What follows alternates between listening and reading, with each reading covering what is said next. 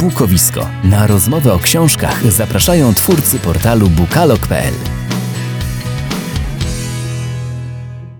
Dzień dobry albo dobry wieczór, w zależności od pory, kiedy nas słuchacie. Tak się z Wami witamy, a witamy się w podcaście Bukowisko przy mikrofonach. Jak co tydzień są z Wami Jerzy Bandel i Maciej Januchowski.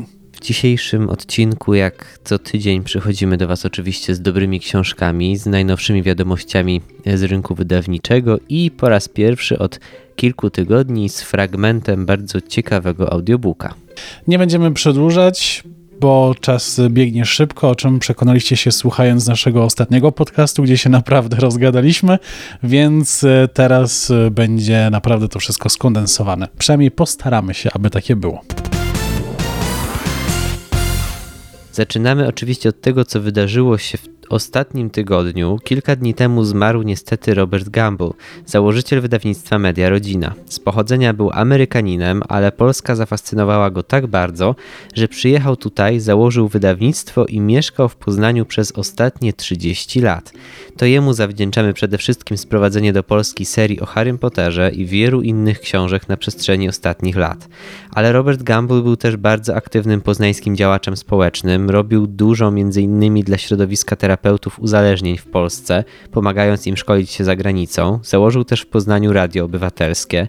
Za swoją działalność zdobywał liczne nagrody, został odznaczony Krzyżem Oficerskim Orderu Rzeczpospolitej, a także utytułowany odznaczeniami zasłużonego dla kultury polskiej i zasłużonego dla miasta Poznania. Najważniejsze chyba jednak jest to, że czytelnicy, wydawcy i autorzy pamiętają go jako wspaniałego, ciepłego człowieka, zawsze obecnego w życiu rynku wydawniczego, zawsze w kontakcie z czytelnikami chociażby na targach, kiedy polecał książki odwiedzającym stoisko Media Rodziny. Przez ostatni tydzień na portalach społecznościowych pojawiło się mnóstwo pięknych wspomnień związanych z nim i tak dobrze na pewno go zapamiętamy. Czasie pandemii musimy wspierać rynek wydawniczy i mniejsze księgarnie, jak tylko się da oczywiście. Po raz kolejny w tym roku ruszyła akcja Książka na telefon, która może pomóc uratować księgarzy. Na stronie książka na telefon.pl znajdziecie listę kilkudziesięciu lokalnych księgarni, które biorą udział w akcji. Z każdą z nich można się skontaktować telefonicznie lub poprzez portale społecznościowe i zamówić książkę prosto do domu. Można też poprosić o polecenie dobrych tytułów księgarza i dzięki temu poznać nowe pozycje. Wspieramy całym sercem wszystkie takie akcje i zachęcamy, żebyście skorzystali z takiej formy zakupów prezentów świątecznych już niedługo. Tak, a ja od siebie dodam, że jeśli nie w lokalnych księgarniach, dobrym wyborem na zakupy online są księgarnie samych wydawnictw, bo dzięki temu pieniądze za książkę trafiają prosto do nich. Takie księgarnie również organizują atrakcyjne promocje, na przykład do końca listopada wydawnictwo Pauza w swojej internetowej księgarni ma przecenę 50% na wszystkie wydane przez siebie tytuły. Wiecie, że pauza to gwarancja najlepszej literatury, więc ich książki są idealnym pomysłem na prezenty dla wszystkich czytających. Ciekawe propozycje recenzowałem ostatnio na kanale, na przykład Brud Davida Vana to wybitna powieść i bardzo ją polecam, a w dzisiejszym podcaście również pojawi się powieść od pauzy. A jeżeli macie ochotę zrobić większe zakupy od różnych wydawców, polecamy oczywiście zawsze zaprzyjaźnioną z nami księgarnię czytam.pl, która dostarczy Wam dowolnie dużo książek, gier i innych prezentów w dobrych cenach. Wspierajmy się w tym ciężkim czasie. Po raz kolejny w naszym podcaście przychodzę z literaturą faktu. E, tym razem jest to książka pod tytułem Szramy jak psychosystem niszczy nasze dzieci autorstwa Witolda Beresia i Janusza Schwertnera. Książka ta opisuje w sposób bardzo dokładny kilka z tysięcy przypadków dzieci, które trafiły do systemu leczenia psychiatrycznego nieletnich w naszym kraju. Jak można się spodziewać, nie jest to obraz piękny i kolorowy a oto niektóre historie. Ania, lat 12, wyciem obudziła w środku nocy rodziców, wcisnęła się w róg pokoju, który był e, zasłany papierkami. Odwieziono ją do szpitala dziecięcego, tam się cięła, truła lekami, aż wreszcie odmówiono jej dalszego leczenia. Dla Marysi lat 15 nie było miejsca na oddziale młodzieżowym w innym szpitalu, więc przyjęto ją na oddział dla dorosłych. W nocy została zgwałcona przez jednego z pacjentów. W tym czasie opiekę nad ponad 40 pacjentami sprawowały dwie pielęgniarki, ponoć dla bezpieczeństwa zamykały się na klucz w dyżurce. Milo lat 23, chociaż urodzona w ciele chłopca, czuła, że jest dziewczyną. Dziadek odpowiedział jej, że zrobi z niej mężczyznę. Milo skoczyła z mostu. Jakubowi lat 17, pełnemu wahań, lekarz zalecił seks z ukochaną dziewczyną zamiast, jak się wyraził, filozofowania. A że Jakub później ze swoją dziewczyną się pokłócił, więc skoczył z okna. To nie jest tak, że nagle ktoś tę historię znalazł, bo przecież y, słyszymy o nich nie raz, nie dwa. Co było inspiracją dla autorów książki, żeby zająć się takim akurat tematem? Zaczęło się od reportażu pod tytułem Miłość w czasach zarazy w Onecie, w którym Janusz Szwertner opisał jeden z dramatycznych przypadków niedostosowania psychopłciowego młodych ludzi, który zresztą pojawia się też w tej książce. A oto nastoletnia Wiktoria powiedziała swojej mamie, że jest Wiktorem, ale szczucie środowiska, w którym się obracała i też represyjność systemu zadziałały, że Wiktor skoczył pod y, pociąg metra. Jego przyjaciel Kacper, mający podobne problemy, na szczęście został uratowany, choć z trudem przetrwał pobyt na oddziale dziecięcej psychiatrii. Gdyby podsumować tego typu przypadki, okaże się, że Polska zajmuje drugie miejsce w Europie pod względem samobójstw dzieci i młodzieży poniżej 19 roku życia. Zabijają się, bo sobie nie dają rady a wokół są otoczeni morzem niechęci i nietolerancji wobec innych. A gdy do tego dodać niewydolność służby zdrowia, tępą opresyjność szkoły, pokrzykiwania polityków i kościelne szczucie, to w efekcie co 10 lat znika małe miasteczko pełne wrażliwych, ciekawych i inteligentnych młodych ludzi, przed którymi całe życie.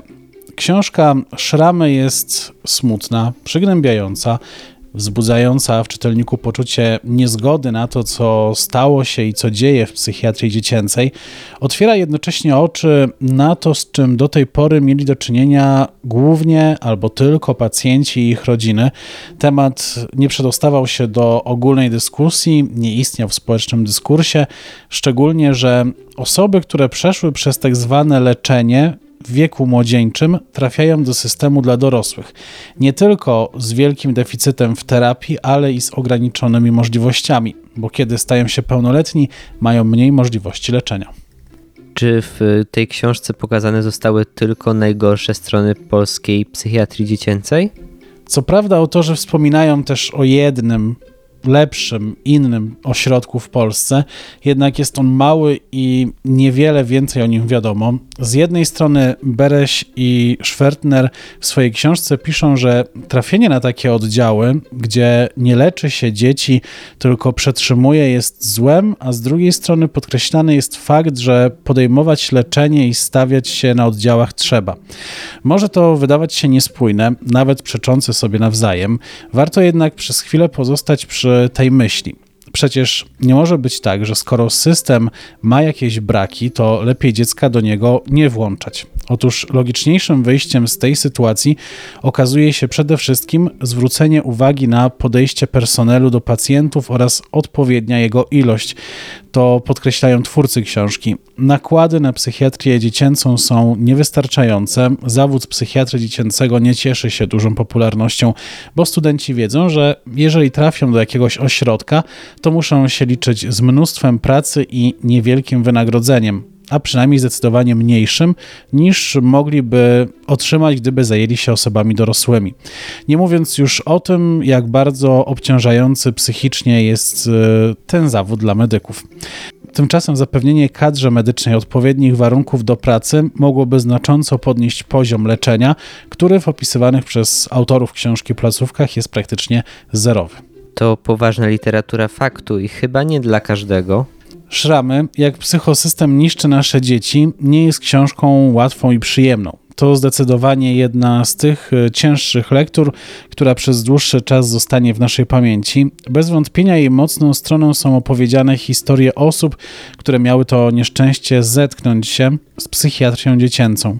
Autorzy w ciekawy sposób prowadzą narrację. Książka jest wciągająca i niejednego może zszokować. Nie jeden z czytelników może też pomyśleć, jak dobrze, że mi się to nie przytrafiło. Na koniec chciałbym jeszcze wejść w polemikę z częścią tej książki. Szkoda, że autorzy nie przedstawili w niej choćby na jednej czy dwóch stronach choć jednej pozytywnej osoby, która pracuje w tej części służby zdrowia i robi wszystko, by poprawić los e, dzieciaków. Być może trudno jest do takich ludzi dotrzeć, trudno ich znaleźć, ale trudno też uwierzyć, że ich nie ma. E, to dawałoby jakąkolwiek nadzieję na to, że psychiatria dziecięca to nie jest jakieś piekło na ziemi, którego nie da się uczynić nieco lepszym miejscem, niż zostało przedstawione w książce.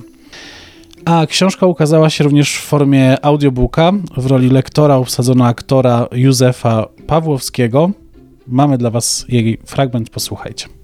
Wydawnictwo Wielka Litera przedstawia Witold Bereś i Janusz Schwertner. Szramy. Jak psychosystem niszczy nasze dzieci. Czyta Józef Pawłowski. Listopad 2018. Wiktor. Wiktor jest już w ósmej klasie. Przychodzi do szkoły w nowym wydaniu – dla kolegów jest mangozjebem, a teraz także ciotą i pedałem. Klasowa grupa na Facebooku służy głównie do wyśmiewania się z niego. Wkrótce dostęp do niej będzie próbowała zdobyć prokuratura, szukając dowodów na uporczywe prześladowanie chłopca. Na razie Wiktor sam opuszcza grupę, a wcześniej pyta rozpaczliwie kolegów, czy sami chcieliby być traktowani tak, jak oni traktują jego. Członkinią grupy pozostaje Julka. Na niej zmiana na Wiktora nie robi wrażenia. Mówi mu, żeby się nie przejmował, bo inne dzieci są głupie i niczego nie rozumieją. Ale wpisów jest coraz więcej, coraz okropniejszych. On przejmuje się coraz bardziej. W szkole prosi, by zwracać się do niego Wiktor. Nauczyciele konsekwentnie wyczytują w dzienniku stare imię. Ma dość. W Sylwestra próbuje się zabić. Podcina sobie żyły. Przyjeżdża pogotowie. Jadą z mamą do szpitala na szaserów na zszycie ręki, a później na oddział psychiatryczny, tym razem na żwirki i wigury. Tam poznaje Kacpra, który też ma swoje problemy. Listopad 2018. Kacper. Kacper wychodzi z Józefowa zostaje wypisany z diagnozą nieprawidłowo budującej się osobowości. Wraca do domu, ale po pięciu dniach próbuje się zabić po raz drugi. Łyka cały zapas przepisanych mu leków na depresję, łączy je z miesięcznym zapasem lekarstw na cukrzycę, które znajduje w domu. Pierwsze rokowania są złe. Cudem udaje się go uratować. Grudzień 2018. Wiktor. Wiktor po bezustannym poniżaniu w szkole jest wyczerpany. Nim trafia na żwirki i poznaje Kacpra, odwiedza kilku lekarzy. Jedną panią psycholog bardzo polubił. Szybko znalazł z nią wspólny język. Ale ona któregoś dnia wezwała Justynę i powiedziała jej, że syn w czasie spotkań rozmyśla o samobójstwie. W tej sytuacji tłumaczyła jej, zanim Wiktor rozpocznie terapię, powinien jak najszybciej jechać do ośrodka i poddać się kilkumiesięcznej obserwacji. Psychiatra dr Andrzej Towalski od początku im się nie podobał. Za pierwszym razem zdiagnozował depresję, kazał łykać lekarstwa. Krótko pogadali, jakoś poszło. W czasie drugiej wizyty, gdy Wiktor już bardzo przypomina chłopca, doktor Towalski patrzy na niego jak na dziwadło. Rzuca, że i tak nie może poddać się operacji zmiany płci, bo jest niepełnoletnia. I że byłoby dobrze, gdyby najpierw spróbowała pieszczot z facetem, bo to przyjemna sprawa. Na koniec wyraża nadzieję, że może jeszcze kiedyś zmieni zdanie, bo jest piękną i delikatną dziewczyną. Na karcie pacjenta Wiktora z nieukrywaną niechęcią odręcznie wpisuje nową diagnozę. Wiktoria woli dziewczynki. Pod taką diagnozą przybija pieczątkę. Znów przepisuje leki. Kolejną dawkę. Grudzień 2018 do stycznia 2019. Wiktor i Kacper. Kacper po przedawkowaniu leków jedzie na żwirki. Tam, gdzie po ostatniej próbie samobójczej nikt nie wyszedł do niego przez 8 godzin – trafia na oddział psychiatryczny. W Sylwestra dołączył do niego Wiktor, chwilę po tym, jak podciął sobie żyły. Wtedy się poznają. Jest styczeń 2019 roku, cztery miesiące przed zdarzeniem w metrze. Styczeń 2019. Wiktor i Kacper. W szpitalu na Żwirkach lekarka prowadząca leczenie Wiktora podważa diagnozę doktora Towalskiego. Jej zdaniem Wiktor nie cierpi na depresję. Ma zaburzenia adaptacyjne i cechy nieprawidłowo kształtującej się osobowości. Mimo to przepisuje mu seronil, antydepresant i to w zwiększonej dawce. Mama Wiktora nic o tym nie wie. Dowie się dopiero za kilka tygodni, gdy jej syn zostanie wypisany ze szpitala. Czemu dostawał lek na depresję, choć depresji nie miał? Tego Justyna nie dowie się nigdy. Seronil łykał też Kacper podczas pobytu w Józefowie. A oprócz tego drugi lek Ketrel. Oba lekarstwa kazał mu zażywać lekarz. Pięć dni po opuszczeniu oddziału chłopiec próbował popełnić samobójstwo. Gdy trafił do szpitala ponownie, podawanie ketrylu cofnięto. Agnieszka. Udało mi się porozmawiać z lekarką i poznać powody, dla których przerwano leczenie tym środkiem. Usłyszałam, przepisanie pani synowi tego leku było błędem, bo on nie ma depresji. To mogło przyczynić się do podjęcia przez niego próby samobójczej. Po tych słowach się załamałam. Odebrałam to tak, jakby mojemu dziecku podawano śmierć w tabletkach. Wiktor, nim dojdzie do sytuacji w metrze, też dostanie w prywatnej poradni receptę na ketrel. Obaj będą faszerowani ketrelem i seronilem przez minimum kilka tygodni. Tymczasem ketrel to silny lek, przeznaczony wyłącznie dla dorosłych.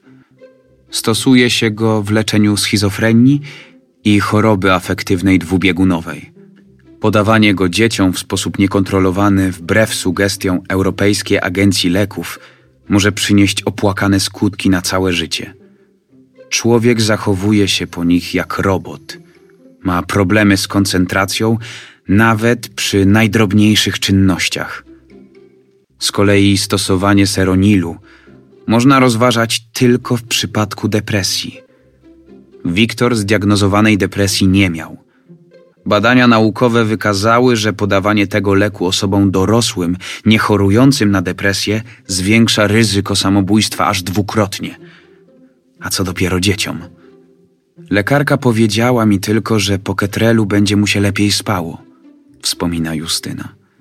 Ketrel i seronil to leki standardowo przepisywane dzieciom na warszawskich oddziałach psychiatrycznych oraz w prywatnych poradniach. Dzisiaj w ramach zapowiedzi tygodnia dzielę się z Wami zapowiedzią, która dotarła na moją skrzynkę mailową dosłownie wczoraj. Wszystko wskazuje na to, że rozpoczniemy nowy rok mocnym literackim uderzeniem, bo 13 stycznia ukaże się trzeci tom klimatycznej tetralogii Mai Lunde pod tytułem Ostatni. Historia pszczół pozostaje od kilku lat w ścisłej czołówce moich ulubionych książek. Błękit też był naprawdę dobry. W trzecim tomie znów Maja Lunde sięga po podobny schemat konstrukcyjny i akcję rozdziela na trzy plany czasowe.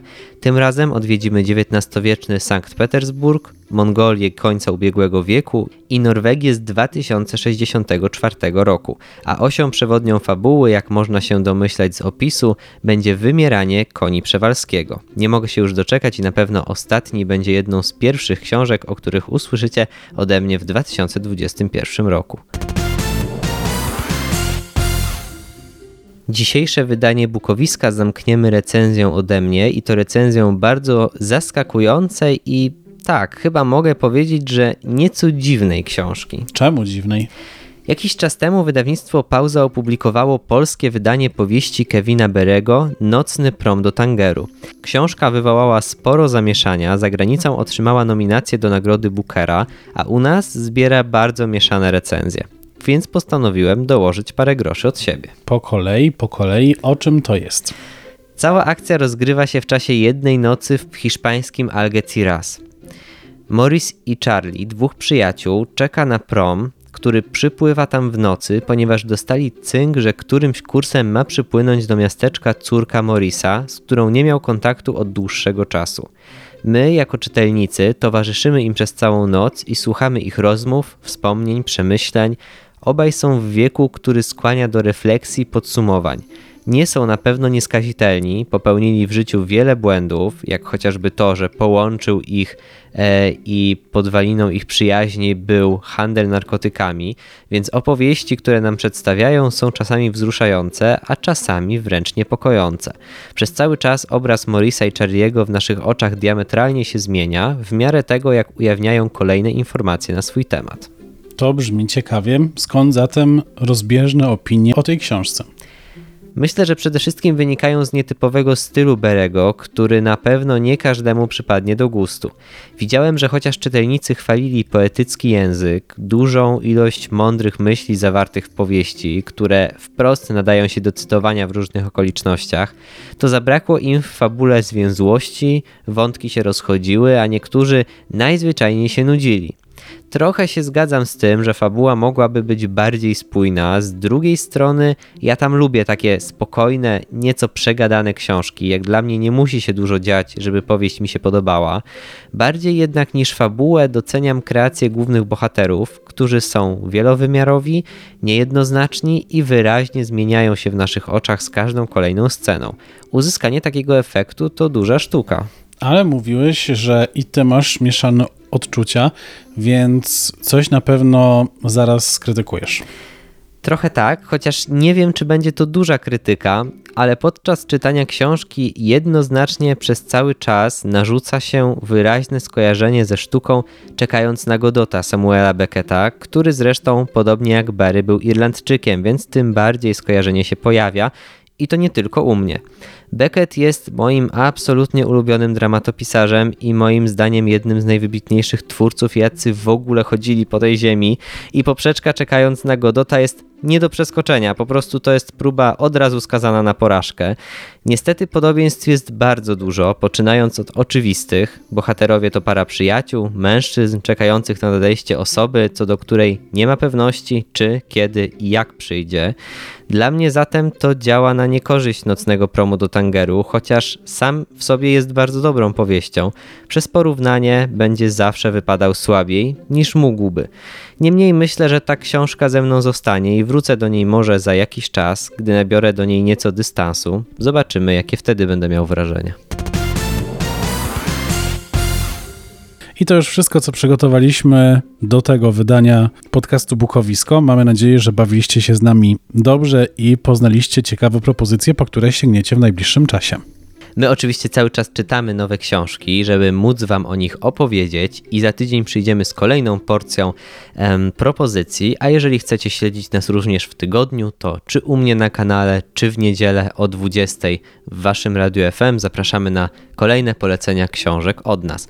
Już za tydzień przychodzimy z wyjątkowym odcinkiem, bo zaczynamy chyba troszeczkę tematykę świąteczną i oprócz zapowiedzi grudniowych nowości przyjdziemy z kilkoma poleceniami, jeśli chodzi o to, co możecie sprezentować swoim najbliższym czytającym na Boże Narodzenie. A tymczasem mówimy cześć i czołem. Byli z wami Jerzy Bander. i Maciej Januchowski. Cześć. Do usłyszenia. Podcast Bukowisko znajdziesz na YouTubie, Spotify, Google Podcast i Apple Podcast.